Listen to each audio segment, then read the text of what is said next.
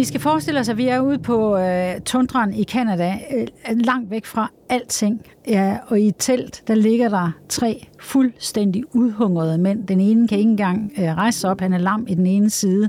Øh, og så kommer hjælpen, og den kommer hjælpen i form af en mand, der hedder Michel, som de har fulgt med noget af vejen, øh, som har været gået i forvejen, og nu er vendt tilbage.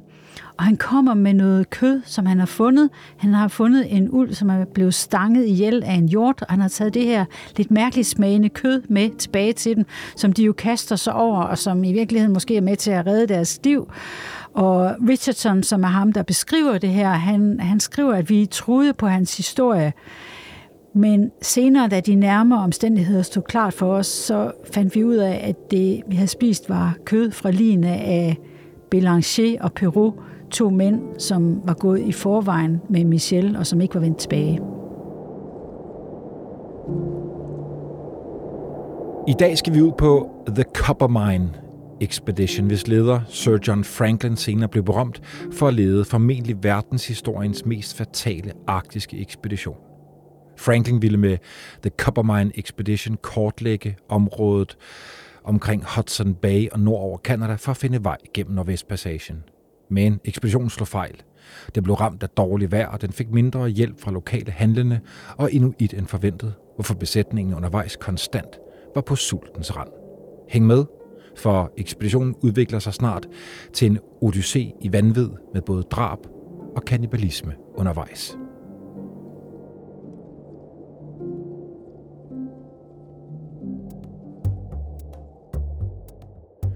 Du lytter til Den Yderste Grænse. Jeg hedder Bjørn Harvi, og øh, vi er i gang med sæsonen om de ekspeditioner, der gik grueligt galt. Dagens gæst, og med til at hjælpe os med ud over den endeløse tundra, jamen det er jo dig, Hanne Strauer. Velkommen. Tak skal du have.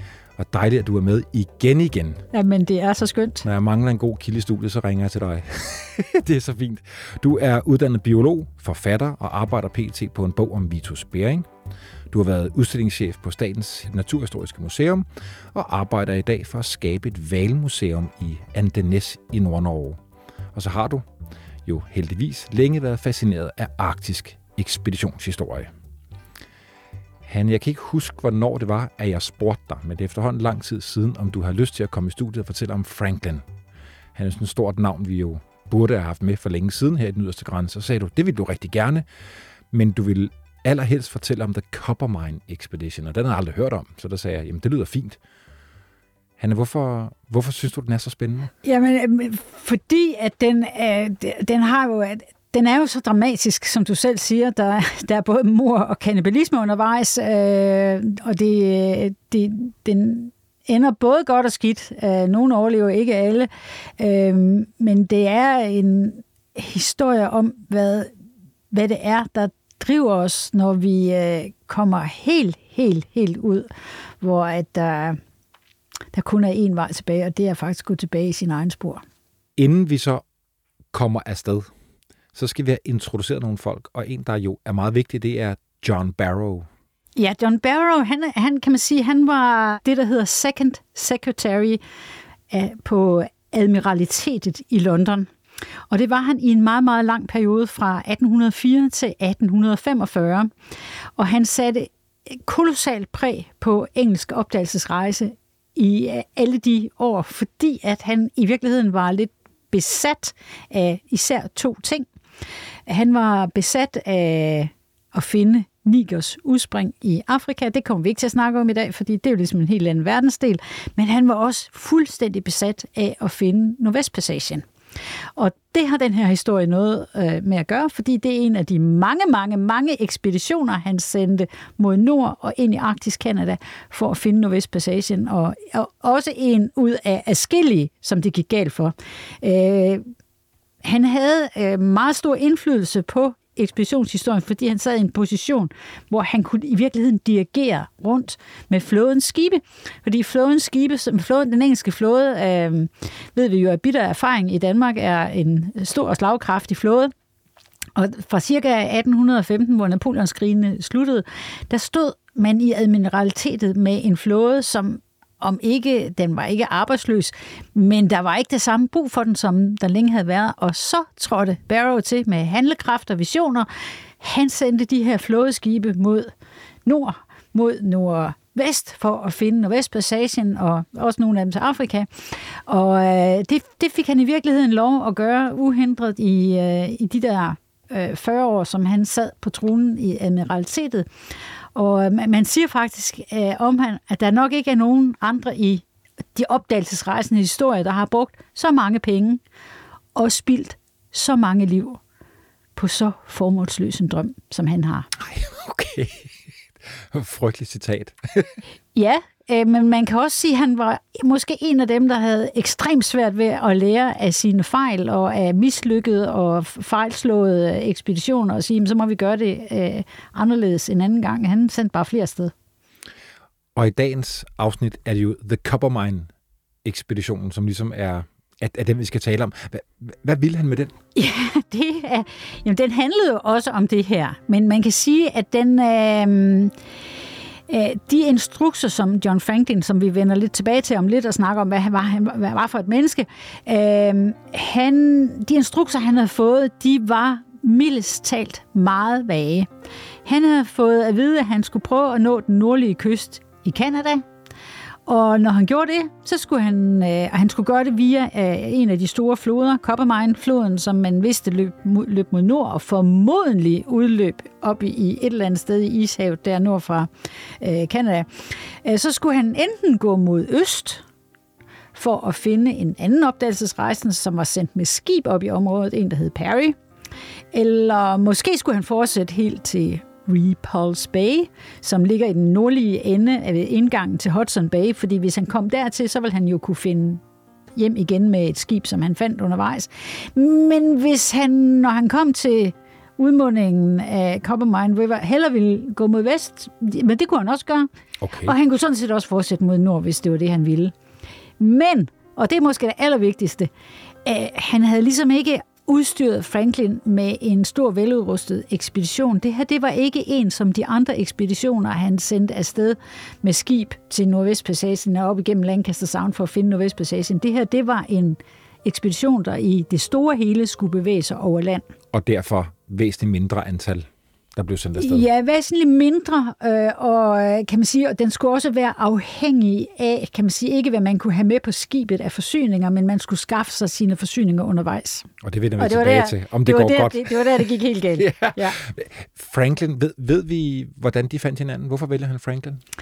Ja, det, nej, det ved vi ikke. Øh, og det spurgte samtiden og eftertiden øh, i høj grad også om, for han var ikke noget oplagt valg. Øhm, men øhm, muligvis øh, har det oplagte valg sagt nej tak. Nej tak, men nej tak, det har ingen interesse at gå land i Kanada. Og så var Franklin, der sagde ja. Og hvem var han så, Franklin? Jamen, han, han var jo flådeofficer. Han havde også været kaptajn på et skib, så det var, han var ikke uden erfaring. Han havde faktisk også en del øh, krigserfaring. Han havde også været med øh, belejring af København. Så det var ikke fordi, at han, at han ikke, kan man sige, var en erfaren mand. Han var bare ikke det stærkeste arktiske kort, de havde. Skal vi lige have sat nogle billeder på, hvordan han så ud? Skal jeg... Vi fandt jo et billede ja. sammen på ja, nettet lad os kigge på af det. ham. Skal vi ikke lige uh, finde det frem? Det har jeg her.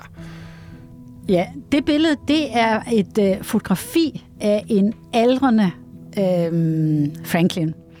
Øh, han sidder i fuld uniform med dobbeltradet frakke og øh, med skulder øh, klapper på og emiralshat og øh, ser måske en lille smule oppustet ud i hovedet og, øh, og ligner ikke, kan man sige, en smuk, rank søofficer, men en aldrende mand. Og det er altså taget lige inden han tog afsted på, øh, ikke den ekspedition, vi skal tale om i dag, for der var han faktisk en, en ung mand, men inden han tog afsted på den ekspedition, som han egentlig måske er mest berømt for, og som blev hans sidste, som han ikke vendte hjem fra. Han, hvem, hvem har vi ellers med? Hvem, hvem, hvem ellers skal introduceres? Ja, men øh, man kan sige, det, det er ikke så mange måske, der skal introduceres, fordi det var jo ikke sådan et kæmpe flådeskib, der skulle afsted. Altså i virkeligheden havde Franklin øh, fået besked af Barrow om, at han skulle nærmest altså, på moderne dansk blaffe sig igennem det høje arktiske Kanada. Find ud af undervejs, hvem du kan støtte dig til at få købt dig til noget hjælp. Men, øh, men han sejlede jo afsted, kan man sige, i et skib fra øh, England, og der var så meningen, at de skulle finde noget besætning på Orkneyøerne. Der fandt de kun fire styks besætning, men han havde med sig nogen, han kendte i forvejen. Han havde en øh, skibslæge med, der hed øh, John øh, Richardson, øh, som hvis funktion på den her ekspedition var at være naturalist, altså det vil sige naturhistoriker og videnskabsmand. Det var noget, han inden de tog afsted sagde, det havde han overhovedet ikke noget viden om, men det afholdt ikke okay. ham eller nogen andre for at synes, at det var han den rette til. Øh, og så havde han en fyr med, der hed George Black, nej, Back med uden el, som var kartograf og kunstner. Øh, og så nogle andre, som vi også kan man sige, kommer til at nævne perifert øh, senere, men, men det var måske de vigtigste, kan man sige, som var gennemgående figurer i den her ekspedition.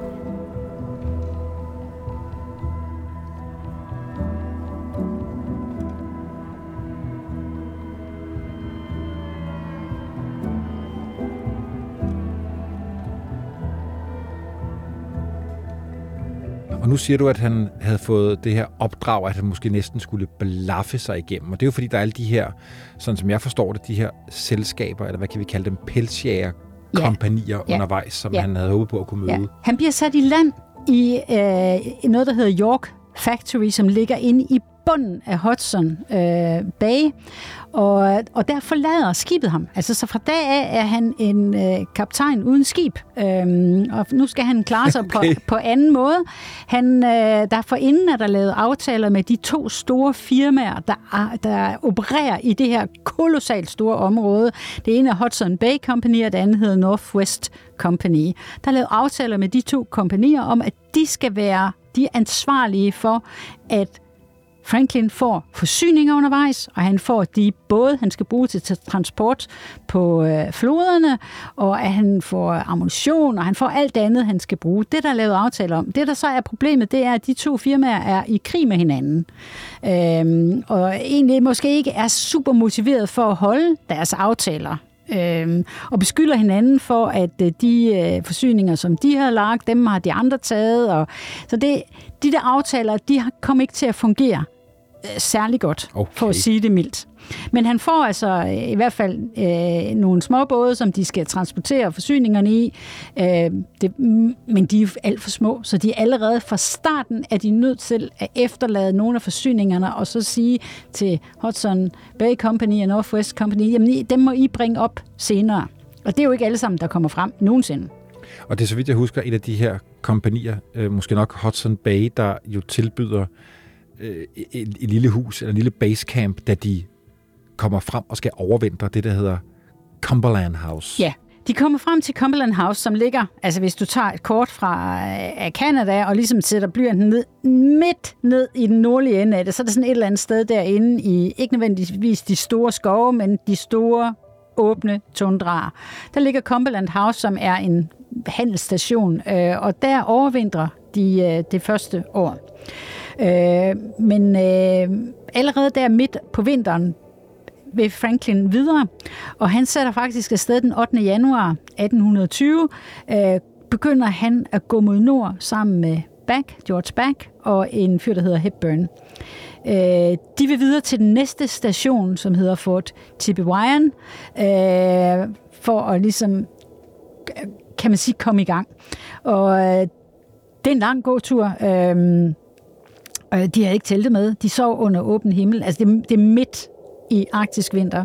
De sov under åben himmel, trak øh, skin og tæpper over sig og kom på en eller anden måde igennem det, og i slutningen af marts øh, ankommer de til Fort øh, Tippewyan. Øh, det er meget usikkert, om øh, der vil være mad nok til dem der. Det viser der selvfølgelig, at det er der ikke. Øh, og det er også lidt usikkert, om han kan hyre det mandskab, som han er afhængig af, at han skal hyre. Det, som han skal hyre, det er to forskellige ting. Dels så skal han hyre det, der hedder voyageurs. Vi er jo lidt i den fransktalende del af, Øh, af Canada, og det var folk, der arbejdede for de her pelskompanier, Hudson Company og Northwest øh, Company, som øh, fragtede pelsene frem og tilbage til øh, handelsstationerne, og som var sådan en form for freelance daglejere på, øh, på forskellige kontrakter for de her kompanier. Det er meningen, at dem skal han hyre nogen af. De skal være vejvisere, de skal være praktiske medhjælpere, men det er sådan set ikke meningen, at de skal være dem, der skaffer føden, fordi den skal Northwest Company Company og Hudson Bay jo lægge ud til den. Er de, er de indfødte amerikanere, nogle af de her indianere? De er fransktalende, de fleste, øh, og er, øh, tror jeg, er meget blandet herkomst. Altså, det, det, de er meget blandet. Nej, det er ikke indianere. Altså, det, der er sikkert nogle af dem, der er halvt indianer eller et eller andet, men de er ikke, kan man sige, funderet i en indiansk stamme. Og hvor hjemvandte er de i det her terræn? De er ret hjemvandte. Okay. Øh, de, de kender, kan man sige, i hvert fald så længe vi bevæger os mellem de her Fort Cumberland og Fort uh, øh, Tippewyan, så er de på et territorium, som de kender i forvejen. Richardson, er det noget med, at han har stukket afsted i forvejen, eller han er efterladt bagud? Det er i hvert fald noget med, at han får nej, han, nogle af de her Nej, han, han, bliver, han er efterladt bagud. Han er i det, der hed deres første station, som hed Cumberland House, øh, og han kommer så op i løbet af sommeren, altså øh, øh, Franklin kom frem i slutningen af marts, og i løbet af sommeren, så kommer Richardson, og nu er det faktisk lykkedes ham at skaffe nogle af de her voyageurs. Han har skaffet 16 voyageurs, som skal med på hele ekspeditionen. Der er så nogle af dem, der har nogle kvinder med, og der er også nogle børn med, så det er lige pludselig er det sådan helt, okay. et, et helt lille fællesskab, der skal rejse sammen, og ikke mindst et fællesskab, der skal skaffes mad til. Og det er de her folk jo ikke vant til at skulle gøre selv. Det er de vant til, at kan man, de øh, selskaber, de arbejder for, forsyner dem. Er det for tidligt at spørge, hvornår begynder problemerne? Øh, der var sådan set problemer ret tidligt, øh, men ikke, kan man sige, øh, livstruende problemer endnu. De kommer, de kommer først lidt senere, fordi øh, her om sommeren øh, kan, kan, kan selv folk, der ikke er super dygtige jæger, godt finde ud af at nedlægge en hjort eller en gås eller sådan noget i ny og næ. Så det fungerer egentlig nogenlunde, og, de, og jeg tror også, at de har nogle forsyninger med øh, fra de her forskellige øh, handelsstationer, som de kommer til. De, de, går, de går videre nu de skal jo videre, de skal nordpå. Så øh, i løbet af sommeren, så tager Franklin afsted med hele bundet, og de kommer op til noget, som hedder Fort Providence. Der er mange af de her forter, øh, og her træffer de endelig den lokale indianer, som skal hjælpe dem med at skaffe mad under hele resten af ekspeditionen. Og han hedder Akaicho. Han bliver vigtig. Han er super vigtig, øh, og han er en øh, velbegavet mand, som forhandler sig frem til en rigtig god aftale med Franklin. Ja, han skal nok sørge for at skaffe dem mad. Øh, han vil selvfølgelig have en masse ting til gengæld, en masse varer, som de har brug for, og der bliver, det bliver alt sammen, kan man sige, nedfældet en form for en kontrakt, hvad, hvad, hvem især skylder hinanden. Øh, og, og så skal de nu skal de så alle sammen igen videre nordpå, fordi nu skal de selv bygge den næste station. Nu går de ud i ukendt terræn. De skal finde et sted, hvor de kan overvintre. Det er stadigvæk sommer. De skal så langt nordpå, som de kan komme. Så skal de bygge endnu en log cabin af en eller anden slags, en hytte, de kan overvintre i. Og det er så udgangspunktet fra ekspeditionen næste sommer. Aikicho, er han med her nu? Ja. Han, er jo, han kommer fra den her stamme, der hedder Yellow Knives First ja. Nation. Ja. Som er de, de, de, de bor i det ja, område. Oprindelige amerikanere ja. indianer ja. der. Okay, ja. godt. Og han, han er høvding for dem. Øh, og, og de her, øh, ham og hans folk, de kommer og går lidt. Det er ikke sådan, at de er der nødvendigvis hele tiden, men der er en fast aftale om, at de skal komme og sørge for, at der er forsyninger. Og de får så øh, lavet det her hus, og der skal de så være hele vinteren den her vinter... Det er det, de kalder Fort Enterprise. Ja. Fort Enterprise er deres egen selvbyggede hytte, og den er, den er vigtig, fordi det er den, ekspeditionen vender tilbage til om et, et år, når, efter når det hele er gået rigtig galt. Men øh, jagten går virkelig, virkelig dårligt den vinter, og øh, det ender faktisk med, at Franklin sender George back afsted sydpå, hvis i snesko går han tilbage til, øh, til det sidste fort, de har været ved, øh, Fort Providence, for at skaffe nogle forsyninger. Han går 600 mil i snesko. Hold da. Og 600 mil tilbage i snesko. Men det lykkes ham at komme med nogle forsyninger, så de klarer sig nogenlunde igennem. Øh, han får rusket lidt op i nogle autoriteter, som en gang imellem befinder sig i Fort Providence, og han kommer tilbage med forsyninger. Så de kommer igennem den her vinter. Hanne, jeg synes, jeg har læst, at allerede her begynder der at være oprør. De her hjælper Franklin nødt til at true folk. Og Ja. sådan noget. Altså, hvad, hvad, hvad er det for en, hvad kan vi kalde det, stemning, der er her i Fort Enterprise, mens Back er Der taget er- sydpå? Først og fremmest en stemning af dyb mistillid til Franklins lederskab. De her voyageurs, som skal hjælpe ham, de føler ikke, at han er i stand til at skaffe mad til dem. De føler sig ikke trygge ved, at der er nogen, der ved, hvor de skal hen. De føler sig ikke trygge ved, at der er en plan. De føler sig ikke trygge ved, om de kommer levende hjem fra det her. Så der er faktisk flere af dem, der siger, at vi vil egentlig gerne øh, tage hjem nu. Og der må øh, Franklin, der mander han sig virkelig op. Han, han er normalt beskrevet som et meget, meget, meget venligt og, og fredsomligt menneske. Øh, der er en myg, der lander på hans arm igen, som han bare børster væk, og så er der en, der siger, hvorfor slog du den ikke ihjel? Nej, nej, der er plads her i verden til både myggen og mig, siger han så. så det var sådan ligesom, det var hans natur at være sådan. Men her mander han så op og taler med meget, meget store ord, og truer dem endda med en retssag i England, hvilket får en af dem til at skraldgrine, fordi han synes ikke, en retssag i England er særlig truende, når han er bange for at dø i den arktiske udørk. Øh, Men på en eller anden måde lykkes det faktisk for Franklin at overtale dem til at blive der. Og, og de, er sådan, de er egentlig også kommet så langt væk nu, at de her voyageurs, som jo ikke er ligesom indianerne, vant til at færdes ude i terrænet og selv skaffe sig maden, de er også lidt afhængige af at være sammen med de andre. De tør sgu ikke tage afsted på egen hånd øh, sydpå øh, ned til øh, Fort Providence og se, om, om de kan... Det, det er for farligt, så det bliver der. Stemningen bliver bedre, da Back kommer tilbage. Ja, det, det gør den selvfølgelig, øh, og, og, og de kommer igennem vinteren. Øh, og, Der bliver født børn. Ja, ja, der bliver, der, ja, der bliver født mindst et barn. Øh, formodentlig med en europæisk fader. Der var jo nogle kvinder med, med de her voyageurs, og til synlandet er, øh, er det enten ham, der hedder Hud, øh, eller måske Back, der er far til det her barn. Men det, det er noget, man bare hører om sådan en passant. Det er ikke noget, der bliver gjort noget særligt stort ud af. Men, det, men man kan ligesom forestille sig, at det her, det var jo ikke, det var ikke ligesom at være på et skib i flåden. Det var altså en noget mere løs forsamling af mennesker, som gik ind ud af døren, som det selv passede dem. Hold du op. Og sov med dem, det passede dem ty- tydeligvis også. Jeg har skrevet 4. juni 1821. Ja. Der bryder de op øh, for Fort Providence, og nu, nu, nu starter ekspeditionen endelig. Nu skal de op til nordkysten af Kanada, og de går jo igennem endeløse tundra. Og til synlædende så er de her indianere, som de troede skulle være vejviser, ah, de ved sgu heller ikke helt, hvor de er henne. De er måske også selv i et område, de ikke plejer at være i. Og det har de jo sådan set også gjort opmærksom på fra starten, at når de kommer ind i Inuit-territorium, så er de dem, der siger tak for i dag og går hjem igen. Altså der vil de ikke være med længere, og det er en klar aftale fra starten, at når de kommer ind i Inuit-territorium, så ba- bakker Akaitju ud med sine folk, og derefter er Franklin helt på egen hånd. Så vidt jeg forstår, så er Kaiju bange for Inuit. Ja, der har været, ja, bange, ja. Der er, der, de, de er også bange for ham. Øh, der er nogen, de, de kommer faktisk til en inuitlejr, hvor det viser sig, at alle inuit er flygtet, fordi at nu kom øh, Akaitju og hans folk. Øh, der, det eneste, der er tilbage, var nogle handicappede, der ikke selv kunne flygte. Så det er åbenbart gensidig øh, frygt, og der har været sammenstød, og de vil helst ikke have noget som helst med hinanden at gøre. Hold nu op. Men det lykkedes dem at komme op til kysten. Øh, Det lykkedes faktisk Franklin at komme frem til kysten, som den, det er jo nu den, han skal udforske. Det var det hele hans instru- Det var det, instruks. Barrow har De- sagt, at han kunne gå til Ja, højre nu eller kan han venstre. gå til højre eller venstre. Han, han går til højre. Og han Okay. sætter tre, han har, de har tre barkkanoer. Det er det, de har. Det er deres eneste befordringsmiddel.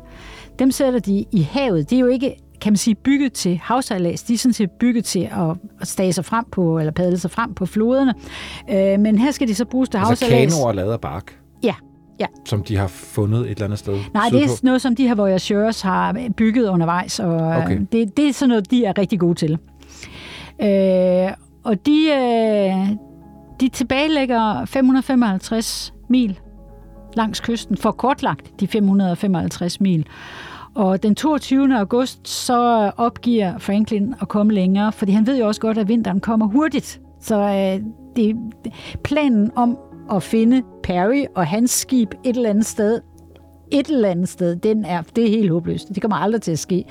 Og planen om at gå til Repulse Bay, hvor de måske kunne få kontakt med skibet, når man kommer ind i Hudson Bay, den tror han heller ikke på. Det er simpelthen for langt. Så nu er det eneste, der er tilbage, det er at vende tilbage til Fort uh, Enterprise og overvintre der. Men han har jo en aftale med Akaitio om, at han skal fylde Ford Enterprise op, så det, det er sådan set en okay plan, synes han. Øh, de kan ikke sætte kanoerne i vandet igen og og sejle tilbage til Coppermine-floden og gå ned ad den, fordi de er, vejret er blevet for hårdt nu, og kanoerne er for medtaget, så de har ikke andet valg, end at nu skal de gå over land ind til Fort Enterprise. Og hvordan går det? Ja, vinteren starter tidligt. Den starter i september. De slutter, kan man sige, de vender den 22. august, og vinteren kommer allerede i september. Og det går virkelig, virkelig dårligt. Øh, de, de har ingen mad tilbage. De, er, de har ikke nogen forsyninger. De er 100% afhængige af at, at fange noget undervejs og skyde noget undervejs. Og det sker der også, at de får skudt noget. Men de er mange mennesker. De er alt for mange. De kan slet, slet, slet ikke fange nok. Og de fleste dage finder de ingenting. Og de begynder at spise lav. De kalder det trip de roche, øh, som, og roche er jo sten, så det er ligesom mad, der gror på sten. Øh, og det spiser de. Og øh, vores menneskers maver er ikke øh, egnet til at øh, fordøje lav overhovedet. Der er alt for mange stoffer i, som vi slet ikke kan forarbejde. Men der er en lille bitte smule næring i det, men man bliver syg af at spise det. Og der skal rigtig meget til for at få næring ud af det. Til gengæld bliver man syg af det. Øh, men de havde ikke andet. Så det var det, de gjorde. Så det er jo en semi-desperat øh, Ja, de, de viste, at de havde, de havde en ting mere. De havde deres egne støvler og dem begyndte de også at spise. Øh, og den 23. september, der, der skriver Richardson, at de, de stopper for at tænde en bål, og så gør de nogle knogler spiselige ved at brænde dem af i bålet, så øh, kan de på en eller anden måde få dem spist. Øh, så de spiser også knogler nu. Og så spiser de flere af deres gamle sko, skrev han. Det er jo det, Franklin bliver kendt for senere. Manden, der spiste sine egne støvler. Ja, Ja, men det gjorde de vidderligt. Og det gjorde de alle sammen. Og jeg ved ikke, hvad man gavede sko med dengang, men øh, jeg kan ikke forestille mig, at det har været godt. Men de var desperate. Hvordan går det med de her voyageurs, hjælperne? Altså, de Jamen, havde de jo tidligere det er, ønsket at lave oprør. Hvad, Jamen, hvad, de bliver apatiske. De, ja, de bliver alle sammen apatiske. De bliver apatiske, de bliver modvillige, de bliver... De mister håbet. De traver afsted, og øh, de bliver svagere og svagere og det er, det er en meget, meget dårlig situation. Men øh, de kommer faktisk, øh, i øh, oktober kommer de til, øh, en måned efter, kommer de til en meget bred flod, og det er øh, Coppermine-floden. Og de har nogenlunde styr på, øh, ved hjælp af kompas og solhøjde og sådan noget, de kan tage en gang imellem, hvor de er hen i verden, og de ved, at hvis bare de kan komme over på den anden side af floden, så er der kun en uges dags Mars, og så er de oppe ved Fort Enterprise. Og redningen, hvor Akaitsu har fyldt hylderne op med mad til dem. Så det måske, holder dem. Måske. Ja, det regner de i hvert fald det med. De håber. Så, så, så hvis bare de kan komme over floden, så er redningen inden for rækkevidde. Hvor er kanoerne? Jamen, kanoerne er gået i stykker undervejs. En blev faktisk øh, ødelagt i frustration af nogle af de her voyageurs. En anden gik i stykker af sig selv, og en tredje faldt også fra hinanden. Så de har ikke noget tilbage, der kan fragte dem over floden. Og de bruger et par dage på at gå op og ned langs floden for at finde et sted, øh, de kan krydse den. Den er over 100 meter bred. Det er en kæmpe flod. Øh, og den er jo iskold. Den er jo 3 grader, 3 grader varm, tror jeg, den, man regner med, den er. Øh, og de kan ikke finde noget sted. Og så prøver de først at bygge en tømmerflåde, men den kan, den, den kan slet ikke øh, fungere. Og øh, en af de her voyageurs, han, han mister simpelthen håbet, og så går han. De så ham aldrig igen. Han forsvandt at han er jo helt sikkert død. Hold nu op. Og, øhm, og så er der en, en anden voyageur, som, øh, som siger, at øh, han tror godt, han kan bygge en, en form for en, en lille mini-kano af noget pilekviste, man kan finde, og noget canvas, de har, som de plejer at tage rundt om deres, øh, noget af deres øh, oppakning, og, og den vil kunne holde dem. Og det bruger han nogle dage på, og det foregår cirka tre kvart øh, mil fra det sted, hvor de har lavet en midlertidig lejr. Og Franklin, som jo føler, at han skal være den, der står i spidsen for, hvad der foregår, og holde modet op hos folk, han, han går ned for at se, hvordan det skrider fremad med arbejdet. Og de der tre kvart mil, dem er han tre timer om at tilbagelægge. Øh, han er meget stærkt svækket. Han kan næsten ikke gå eller stå længere. Hanne, må jeg lige spørge dig om en ting? Richardson, som er en af de her, som du også nævnte i starten. Er det ikke noget, man forsøger at krydse jo. floden, inden denne her tømmerflåde bliver forsøgt bygget? Jo. Skal vi ikke have den historie? Jo, vi, vi, vi, jo, lad os lige tage Richardson, det er rigtigt. Richardson laver en heldig uden lige. Han kaster sig simpelthen ud i floden med et ræb om maven, fordi hvis først man kan komme over på den anden side, binde et ræb til et eller andet derovre, så kan alle komme over, så kan man holde fast i rebet, så kan man komme over. Øh, så han kaster sig ud i floden og svømmer de her 100 meter over. Ganske nær ved kysten, så sætter hans arme ud. Han kan ikke bevæge dem længere. Øh, han vender sig om på ryggen og prøver, om han kan sparke sig ind de sidste tre meter. Øh, men så giver benene efter, og han, og han synker, han forsvinder. Og de får ham i al hast hævet tilbage. Øh, en bevidst... de, står, de står på den anden side de, ja, de har, jo fast i, de har jo fast i rebet, så de får ham hævet tilbage med rebet. Øh, han er bevidstløs, da han kommer frem. Øh, det lykkes dem at få ham genoplevet og genopvarmet, ikke mindst. Han har været uhyggeligt nedkølet. Øhm, men han øh, bliver lam i øh, venstre arm og venstre ben efter den her oplevelse. Det er noget, der sådan gradvist kommer tilbage til ham, men de første lange stykke tid efter er han, øh, kan han faktisk ikke rigtig gå. Så det var øh, med store personlige omkostninger for ham, at han forsøgte det her. Og så bliver der så bygget den her intermistiske lille bitte kano med, med noget øh, canvas omkring, øh, som det faktisk lykkes dem at få over på den anden side, for bundet et ræb over, og få den fragtet frem og tilbage, sådan, så de en af gangen bliver fragtet over øh, på den anden side. De kommer over, de er kommet frelst over på den anden side, hurra! Nu er, der, Hold nu, nu er der, kun, der er kun 40 mil tilbage til redningen. På en eller anden måde, så har de, her har de været glade. De har kunne se, redningen var inden for rækkevidde.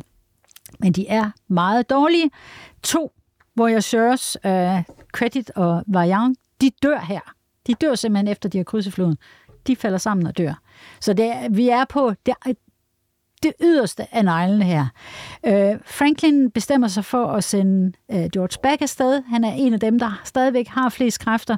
Sammen med, øh, med tre øh, voyageurs øh, sender han dem op for at hente forsyningerne, som jo ligger i Fort Enterprise, regner han med. Øh, og så skal de andre så bare langsomt følge efter. Men Richardson, som er den her læge og officer. Ham, der forsøgte ham, at krydse floden. Ja, ham, der, der forsøgte at krydse floden, som nu er invalideret. Han beder om at blive efterladt tilbage sammen med to andre officererne med Hood og Hepburn. Øh, og det får de lov til. Så de, bliver, de får et lille telt, og så øh, bliver de der. Og så fortsætter Franklin, men efter ret kort tid vandring, så er der en, en fyr, der hedder Michel, også en af de her voyageurs, og en, der hedder Belanger, de siger, vi vil også gerne gå tilbage til det der telt. Vi, vi kan ikke mere. Vi er færdige. Uh, og Franklin siger, så må I jo gå tilbage. Så det gør de. Og, det hele er ved at gå i opløsning nu, ikke? Ja, og, kort tid efter, så er der to mere, Peru og Fontano. De siger, vi kan heller ikke mere. Vi går også tilbage mod øh, den der teltlejr, midlertidig, Richardsons midlertidige teltlejr. Så vi har Back, der er gået forvejen. Vi har Franklin med hovedekspeditionen, og så har vi Richardson, Hepburn. Ja, hovedekspeditionen består jo nu faktisk kun af en 4-5 mand. Ja, okay. og, så, og så har vi Hepburn, der sidder i et telt med, øh, eller Richardson, der sidder i et telt med Hepburn og Hood, og så fire voyageurs, der er på vej tilbage til Richardson. Øh, men Franklin, han skriver her, vi drak te og spiste nogle af vores sko til middag, punktum. Øh, og så fortsætter han ellers øh, op mod Fort Enterprise. Han kan egentlig ikke helt forstå, at han ikke blev mødt af Back endnu. Han kommer op til Fort Enterprise den 12. oktober. Og der er ingen Back. Men værst af alt, der er ingen forsyninger. Back har efterladt en note, hvor der står her ingenting. Jeg går ud for at se, om jeg kan finde Akaicho. Wow. Øh, der er gabende tomt i Fort Enterprise. Øhm, der er nogle øh, knogler fra nogle dyr, de spiste sidste år, da de var der. Og der er nogle skin, som blev brugt i sengene til at holde varme med. Det er alt, hvad der er tilbage at spise. Og i nogle af de her skin er der nogle madikker, og de bliver spist med stor fornøjelse. Men, men øh, Franklin er altså nu i en, han har, ikke, han har ikke flere kræfter tilbage selv. Han kan dårligt rejse sig og gå. Så han bliver der, håber, at Back kommer tilbage, håber, at der sker noget. Og hvad sker der med gutterne i teltet Ja, bag dem? lad os vende tilbage til teltet, fordi det, det er nok her, kan man sige, at det mest øh, dramatiske sker. Den 9. oktober, der kommer Michelle tilbage til Richardsons lejr. Han kommer alene. Richardsons lejr består jo bare af Richardson og Hood og Hepburn, de to andre officerer. Øh, og det her, han har det her mærkelige smagende øh, kød med sig, som Ja, de det så er spiser med stor startscenen, du startede ja. episoden her det, med. det, er, det er her, han, han træder ind af teltet og siger, jeg er kommet for at redde jer, jeg har kød med til jer, det er fra en ulv, øh, nu skal I se, nu vender det hele, vi, vi kan få lidt mad. Og, og de er i starten dybt taknemmelige. Uh, Hud tilbyder ham en ekstra skjorte, og de er ligesom, det er redningen, der kom ind ad døren, de kunne ingenting selv. De får noget kød, noget mærkeligt smagende kød at spise, men det er mad. Men så begynder Michelle at blive mærkelig. Hvad siger Michel, der er sket med dem, han havde fulgtes med? Det ved uh, Richardson ved jo ikke, at han har fulgtes med dem. Det er faktisk først noget, de finder ud af senere, at Yes. han har fulgtes med nogle andre. Så de er ikke klar over, om han er gået alene tilbage fra Franklin, eller er der andre, der har fulgtes med ham. Det giver mening. Uh, men, men Michelle begynder at blive mærkelig. Han, han siger, I kan lige så godt skyde mig og spise mig. Det er ingen nytte til alligevel. Uh, vi dør alle sammen. Uh, nej, I må hellere skyde mig. Uh, og han veksler mellem at blive aggressiv og blive mærkelig, angerfuld, og det er, det, er ret, det er ret mærkeligt. Der går lidt over en uges tid på den her måde, men de kommer jo faktisk til kræfter, for de får trods alt lidt at spise. Han går ud og kommer tilbage med Ja. kød, går ud og kommer Ja. tilbage med kød. Ja, han vil ikke have nogen med, når han går på jagt. Uh, han siger, det skal han nok klare selv, og så kommer han tilbage med noget kød.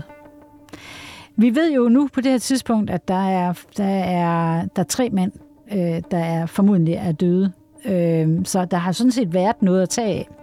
Øh, og de kommer gradvist til kræfter ind i teltet. Og den 20. Øh, oktober, så er Richardson, han er ude for at samle noget lav, øh, og Hepburn er ude for at brænde, og Michelle er inde i teltet sammen med Hood. Og så lyder der skud. Og da Richardson og Hepburn de stormer ind i teltet, så finder de Hood død, skudt i baghovedet. Øh, og øh, Michelle øh, forklarer, at øh, det er det er Hood selv, der har skudt sig med en meget langløbet øh, revolver eller riffel øh, i baghovedet, og det, det hænger jo ikke rigtig sammen. Øh, men øh, eftersom øh, Michel var velbevæbnet, han havde en pistol i hånden, han havde en daggert, han havde øh, en bajonet, så var der ikke rigtig nogen af dem, der synes, at det var et tidspunkt, hvor de ville begynde at diskutere den historie med ham. De Hold op. blev med andre ord rejseslagende. De var rejseslagen for ham, de vidste, han var i stand til at dræbe, øh, og der var ingen af dem, der turde være alene med ham. En dag foreslår Michelle, at øh, Richardson skal tage med ham på jagt, og det afslår Richardson, øh, og det, det vil han ikke. Men Michelle sørger også for, at, øh, de, at, at de aldrig er alene. Er, er, de begy- han er de begyndt at undre sig over, hvor alt det kød kom fra? Altså inden det her drab? Nej, det er jeg ikke sikker på, at de er. Øh, det, det melder historien ikke noget om, men det tror jeg faktisk at ikke, at de er. Men efter drabet, der er de øh, ikke i tvivl om, at de har at gøre med en meget farlig mand, og pludselig begynder de også at tænke, måske var det her mærkelige kød, vi fik, slet ikke ulvekød. Og de tør ikke være alene med ham. Og han tør heller ikke lade dem være alene sammen, så det er sådan en, en, en øh, farlig dans, de har i gang i. Det er jo men den, ren vanvid. men den 23. oktober øh, begynder de alle tre at bevæge sig nordpå op mod øh, Fort øh, øh, Enterprise øh, og, og redningen, fordi de, altså, altså, de er jo også, kan man sige, selvom at de midlertidigt har fået en eller anden form for respit, så er de jo stadigvæk... Jo, og Buck og Franklin er jo ikke kommet tilbage for nej, nej, der er ikke kommet nogen tilbage. De ved ikke, hvad der sker.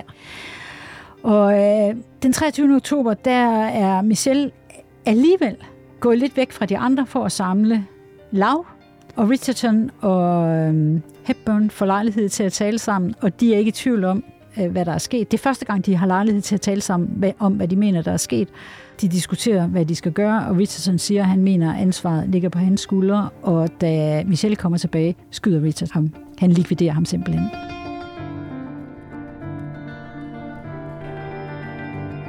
Og så fortsætter det. Hold nu op. Så kommer, ja, så kommer de til, øh, til Fort Enterprise og tror jo på en eller anden måde, at det er dem, der er de svage, og nu skal de reddes.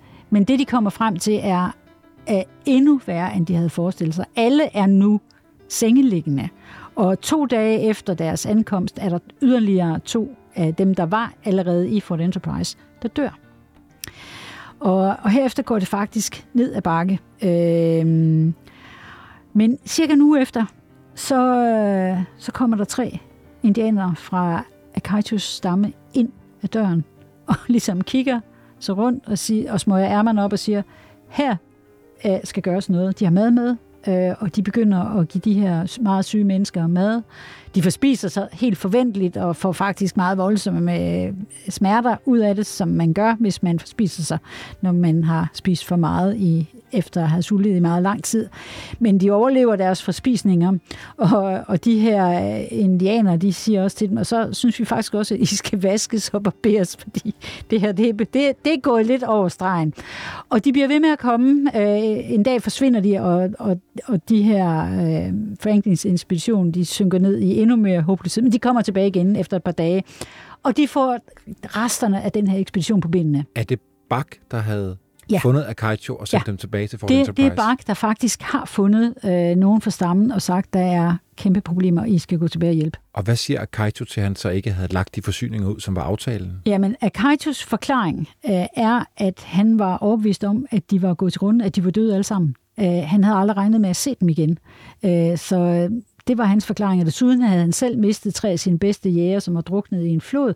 Så han havde ikke engang rigtig haft mulighed for at gøre det. Det er hans forklaring. Får han den, øh, jeg, jeg husker, at han havde fået lovning på en masse penge fra Franklin og så videre. Hvordan går det med det? Ja, ikke så meget penge som varer. Og det var varerne, han ja, skulle have. det var det varer, han skulle have. Øh, dem får han ikke. Øh, og, og det øh, siger han selv noget om. Han siger, øh, ja, nogle gange går tingene skidt. Øh, alle er fattige. I er fattige. Øh, og de her pelsjæger er fattige. Og min stamme, vi er også fattige. Og siden varerne nu ikke er kommet, så kan vi jo ikke få den. Jeg fortryder ikke, at jeg har hjulpet jer og givet jer forsyninger, for en kopper Indian kan aldrig tillade, at hvide mænd lider og mangler mad øh, i hans eget land. Hold da op. Så det var jo en meget storladen øh, kommentar at have til, at han ikke øh, fik den del, som han var blevet lovet. Ret sådan pragmatisk, flematisk accepterer han bare, at det fik han ikke. Men livet gik videre for ham. Hanne, Franklin kommer hjem. Han har Richardson med sig, Hepburn, de andre back, der er, der er overlevet. Hvad, hvad er det så, der sker, når de kommer hjem? Det her efterspil, som jo også er ret interessant. Ja, man skulle tro, altså der er to ting, der sker. Man skulle jo tro, han har mistet 11 af sine mænd. Han har kortlagt en altså mikroskopisk del af den nordkanadiske kyst, 550 mil, nærmest ingenting. på en kystlinje, som alle i forvejen vidste eksisterede. Alle vidste jo, at der var en kystlinje mellem de der floder. Så det var ikke fordi, det var sådan væsentligt stort nyt. Øh, så man skulle egentlig tro, at han kom tilbage til en skandale, til øh, degradering. Men det gjorde han ikke. Han blev manden, der havde spist sine egne støvler. Han blev en held. Måske har det også noget at gøre med, at han var charmerende. Han var på mange måder ydmyg og behagelig. Måske har han på en eller anden måde fået reddet den her shitstorm af, som det jo i virkeligheden var, det han havde viklet sig ud i. Fordi det er ikke, der er ikke noget, der er værre som kommandør af en ekspedition end miste sine medlemmer. Det er forfærdeligt. Øh, men han blev faktisk en held. Men der blev rejst kritik af Richardson, øh, fordi vi har sådan set kun hans ord for, at det var Michel, der havde skudt øh, formodentlig også tre andre øh, voyageurs, øh, og få de andre til at spise kødet, som øh, Nogen sagde efterfølgende, så kunne det jo lige så godt være, at det var Hepburn og Richardson, der havde skudt Michelle og de andre voyageurs. Og Hold det er op, fuldstændig, er det er fuldstændig rigtigt. Det, vi kan ikke vide, hvem der taler sandt her, for vi har sådan set kun Richardsons ord og Hepburns ord for, hvad der skete. Hvem spiste hvem? Ja. Ho, ho. Øhm,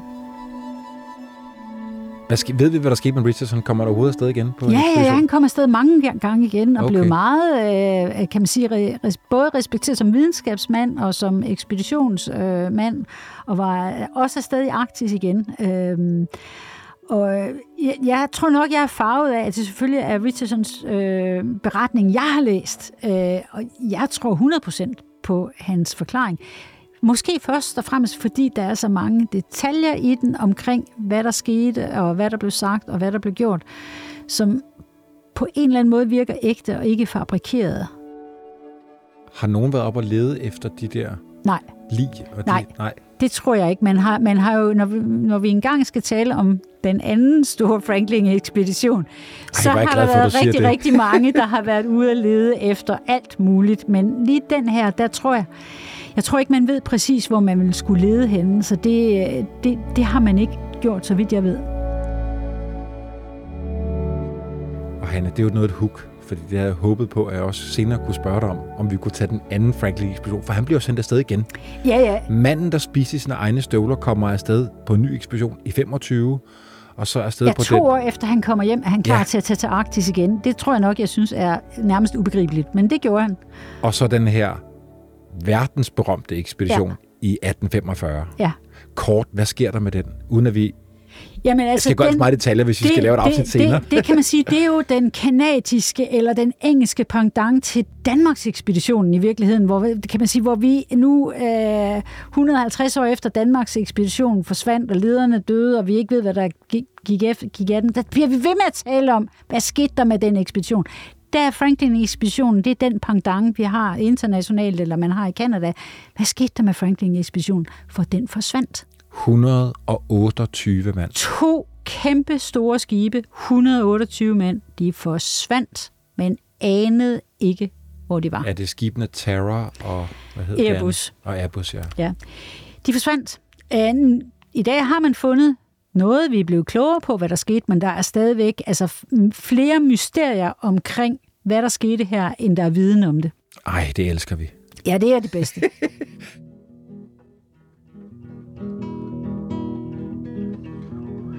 I dreamed a dream I thought was true concerning Franklin and his jovial crew. That from old England they sailed away to the frozen ocean in the month of May.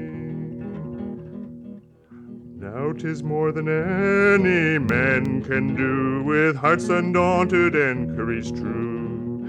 And many's a wife is leave to mourn in grief and sorrow for their return.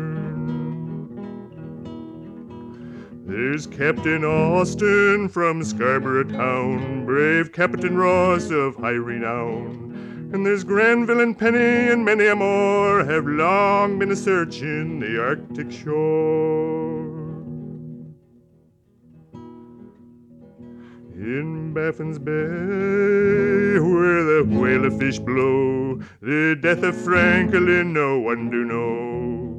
Nor the fate of Franklin no tongue can tell. Lord Franklin along with his sailors do dwell.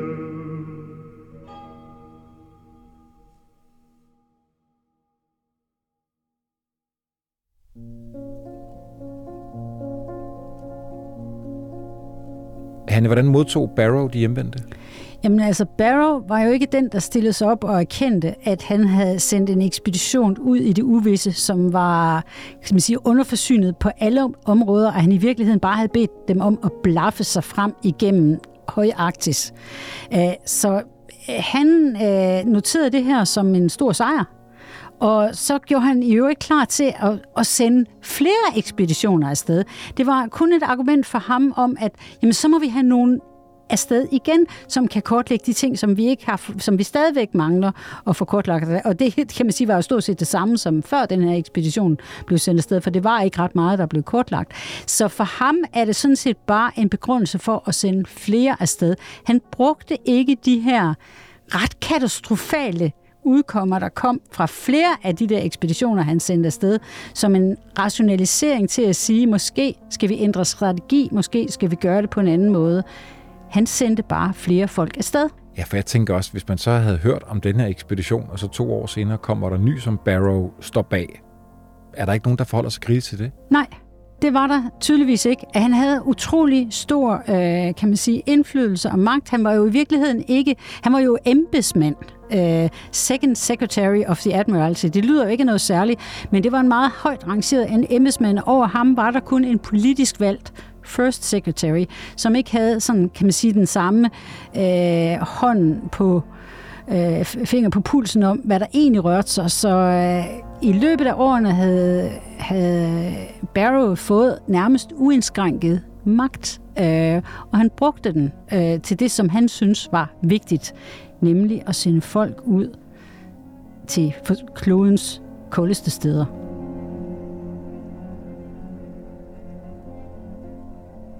Og så ved jeg, at en af dine store inspirationer til, til den viden, du har om ekspeditionen, den kommer fra den bog, der hedder Barrows Boys. Ja. Det er en meget stærk titel. Ja, det, det er en engelsk øh, forfatter og historiker, der har skrevet, øh, kan man sige, om de mange, mange år, hvor Barrow sad ved magten, og de mange ekspeditioner, han sendte øh, afsted, og hvor forfærdeligt galt det gik for mange af dem. Den kan jeg kun anbefale. Afslutningsvis vil jeg gerne læse et citat op for dig, hvis det er okay med dig. Jeg synes jo, det er så fantastisk, Hanne, det her med, at at historierne her i studiet og i den yderste grænse hænger sammen, og de inspirerer hinanden, og sådan er det jo hver gang, jeg spørger nogle af jer fantastiske kilder, så nævner en anden historie, jeg aldrig har hørt om. Og det, jeg fandt ud af i researchen til den her historie, vi har snakket om i dag, det var jo, at norske Roald Amundsen, den store norske øh, opdagelsesrejsende, som jo endte med at blive den første mand gennem Nordvestpassagen, han som 15-årig læste Franklins beretninger og tænkte, jeg skal blive polarrejsende må jeg læse op, hvad han jo som ja, ældre mand endelig, skrev endelig. om dengang? Fordi Amundsen skriver, Mærkeligt nok var det de lidelser, som Sir John, altså Franklin og hans mænd måtte gennemgå, der tiltrak mig mest i hans fortælling. En mærkelig trang fik mig til at ønske, at jeg også en dag ville gå igennem det samme. Måske var det ungdommens idealisme, som ofte tager form af martyrium, der fik mig til, mig, der fik mig til at se mig selv som en slags korsfarer i arktisk udforskning. Ja, han havde kæmpe, kæmpe betydning. og et kæmpe ego. Ja. Hanne, tusind tak for at du var med i dag. Hvor var det spændende. I lige måde.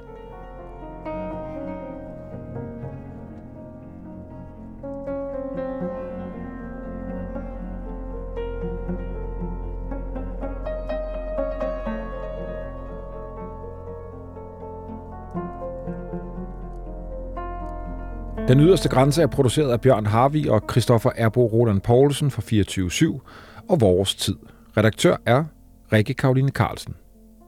En særlig tak til Discovery Docs, Real Big Production og Australian and Arctic Division.